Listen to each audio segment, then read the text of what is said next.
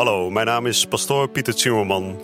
En dit is Credo, de dagelijkse podcast van Radio Maria over de catechismus van de Katholieke Kerk. Samen dringen we elke dag een beetje dieper door in het prachtige plan van liefde dat God met elk van ons heeft.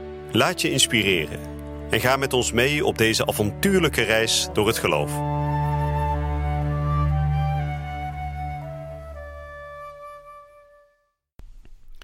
Vrienden, van harte welkom bij de nieuwe uitzending van Credo, waarbij we inmiddels zijn aanbeland bij het thema van de mens, de schepping van de mens. God heeft de mens geschapen.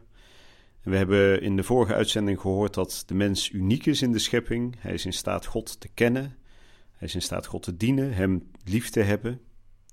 En de mens is ook het enige wezen in de schepping dat zowel lichaam als geest in zich draagt. Hij heeft een lichaam, anders dan de engelen bijvoorbeeld, maar heeft ook een ziel. En die ziel die is uiteindelijk geschapen om God te kennen en eeuwig uh, de, de eeuwigheid met God te delen, dus eeuwig bij God door te brengen. Nou, we gaan vandaag spreken over de mens die één is naar lichaam en ziel. Hij is een eenheid van lichaam en ziel. Het is niet met een moeilijk woord dualistisch. Hè. Dat wil niet zeggen dat de mens of het een of het ander is. Dat horen we in onze tijd nog wel eens. Hè. De mens is een hele hoop cellen bij elkaar. Een chemisch, uh, een, soort wandelende uh, chemische fabriek. Nee, wij geloven dat de mens meer is dan dat. En hij is ook niet alleen maar een spiritueel wezen. Nee, hij is en lichaam en ziel en dat in een eenheid. Nou, we gaan daar vandaag over spreken wat dat betekent. En we zullen zoals gebruikelijk weer beginnen met gebed. In de naam van de Vader en de Zoon en de Heilige Geest. Amen. Heer Jezus, U hebt ons mensen gemaakt als personen. En het woord persoon komt van het Griekse personare, wat doorklinken betekent. En dat wil zeggen dat in ons menselijk wezen uw goddelijk wezen doorklinkt. U hebt ons een lichaam gegeven, zodat we vrijelijk kunnen bewegen. En u hebt ons een ziel gegeven die nooit zal sterven. En deze ziel is bestemd om u te eren, u te dienen en u lief te hebben tot in eeuwigheid. Toch zijn we als mensheid gevallen door de erfzonde. De menselijke natuur is gekwetst. En daarom willen we vragen dat u ons helpt wij zijn geneigd tot het doen van zonde, maar met de hulp van uw genade kunnen we die neiging overwinnen en kunnen we werkelijk het goede doen en kunnen we het beeld van God dat wij zijn weer in eer herstellen. Kunt u het beeld in ons, het liefdevolle beeld als kind van God, weer in eer herstellen? Amen. Nou, vandaag gaan we bekijken de nummers 362 tot en met 368. Eén naar lichaam en ziel. De menselijke persoon, geschapen naar Gods beeld, is tegelijkertijd een lichamelijk en een geestelijk wezen. Het Bijbelverhaal brengt deze werkelijkheid tot uitdrukking in een symbolisch taalgebruik wanneer het zegt: God poetseerde de mens uit stof, van de aarde genomen, en hij blies hem de levensadem in de neus. Zo werd de mens een levend wezen. De mens is dus in zijn geheel door God gewild. Dikwijls staat de term ziel in de Heilige Schrift voor het menselijk leven, of voor heel de menselijke persoon. Maar hij geeft ook aan wat het diepste wezen van de mens en het meest waardevolle in hem is. En eveneens datgene waardoor hij in het bijzonder Gods beeld is. Ziel betekent het geestelijk beginsel in de mens. Het lichaam van de mens heeft deel aan de waardigheid van het beeld van God. Het is een menselijk lichaam, juist omdat het bezield wordt door een geestelijke ziel en het de menselijke persoon die in zijn geheel bestemd is om in het lichaam van Christus de tempel van de geest te worden. Als een eenheid van lichaam en ziel verenigt de mens in zich, juist door zijn lichamelijkheid, de elementen van de stoffelijke wereld, zodat deze door hem hun hoogtepunt bereiken, en hun stem verheffen om in vrijheid de schepper te prijzen. De mens mag dus zijn lichamelijk leven niet minachten, integendeel. Hij moet zijn lichaam als door God geschapen en door hem bestemd voor de verrijzenis op de laatste dag waarderen en eerbiedigen. De eenheid van lichaam en ziel gaat zo diep dat men de ziel als de vorm van het lichaam moet beschouwen. Dat wil zeggen, dankzij, dankzij de geestelijke ziel is het uit stof bestaande lichaam een menselijk en levend lichaam. Geest en stof zijn in de mens geen twee met elkaar verenigde naturen, maar hun eenheid vormt één natuur. De kerk leert dat iedere geestelijke ziel direct door God geschapen wordt.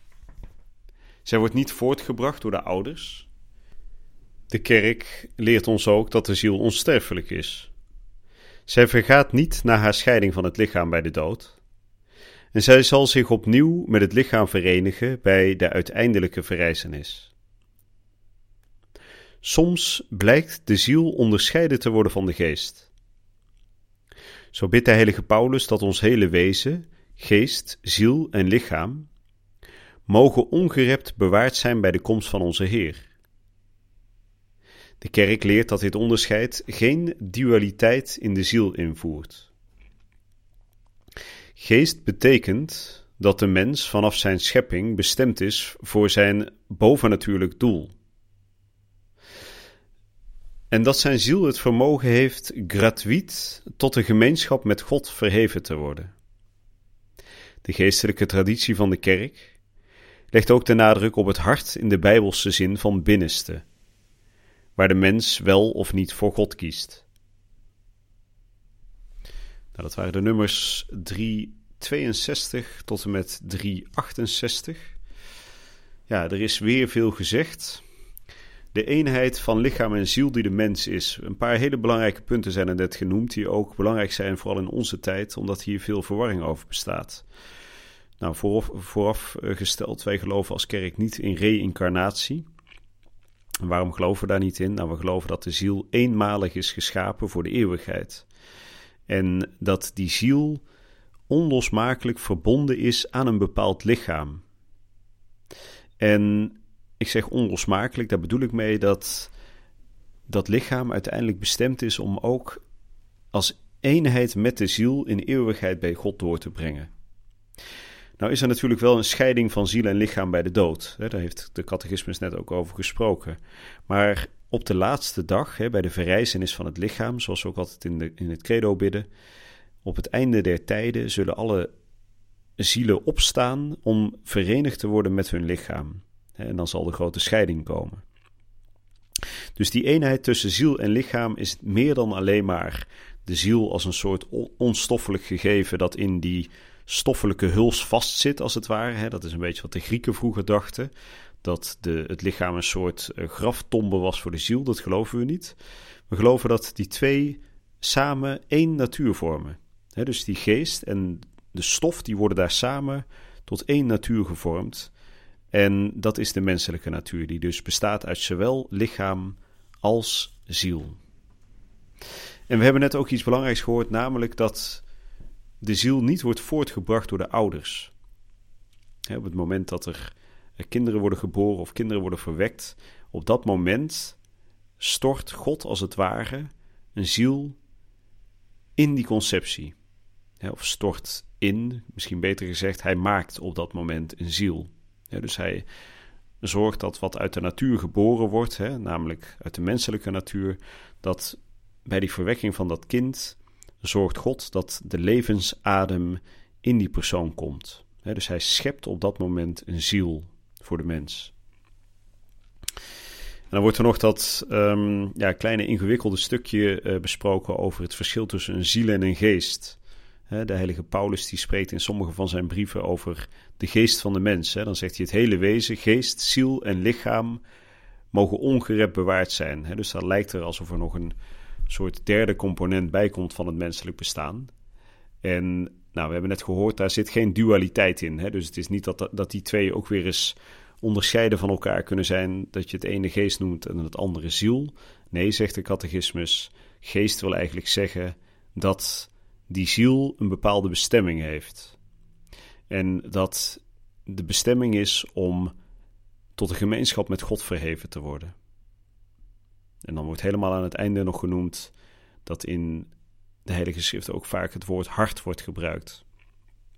Met hart en ziel zeggen wij wel. En met het Bijbelse begrip hart wordt meer bedoeld dan alleen maar gewoon dat orgaan, hè, dat kloppende orgaan. Nee, daar wordt bedoeld het binnenste van de mens, waar hij wel of niet voor God kiest. Dus dat gaat verder dan alleen maar wat wij uh, onder hart scharen of wat wij uh, onder het gevoelsleven plaatsen. Het hart volgens de Bijbel is ook die plaats waar de keuze, waar de voor of tegen God plaatsvindt. Het heeft dus ook met het geweten te maken. We komen daar later nog op terug. Voor nu is dit weer even voldoende, denk ik. Het zijn uh, belangrijke thema's, uh, ook wel soms misschien wat ingewikkelde thema's, maar beetje bij beetje gaan we het helemaal uitpluizen. En ook veel van deze thema's zullen later nog terugkomen. Dus hè, door de herhaling zullen we ook uiteindelijk steeds meer hierover te weten komen. En zullen we uiteindelijk steeds meer ook over onszelf te weten komen. Want we zijn immers zelf mensen. Ik wens u een hele goede en gezegende dag toe. Je luisterde naar Credo, de dagelijkse podcast van Radio Maria over de catechismus van de Katholieke Kerk. Credo is iedere werkdag te beluisteren op Radio Maria. Maar je kunt de afleveringen ook in je eigen tempo terugluisteren op onze website, in de app of op Spotify en de andere platforms. Via de website radiomaria.nl vind je dagelijks de link om de bijbehorende teksten uit de catechismus mee of terug te lezen. We zijn erg dankbaar voor alle giften die wij mogen ontvangen. Daardoor kunnen we ons goede werk blijven doen. Draag je ook bij aan deze missie?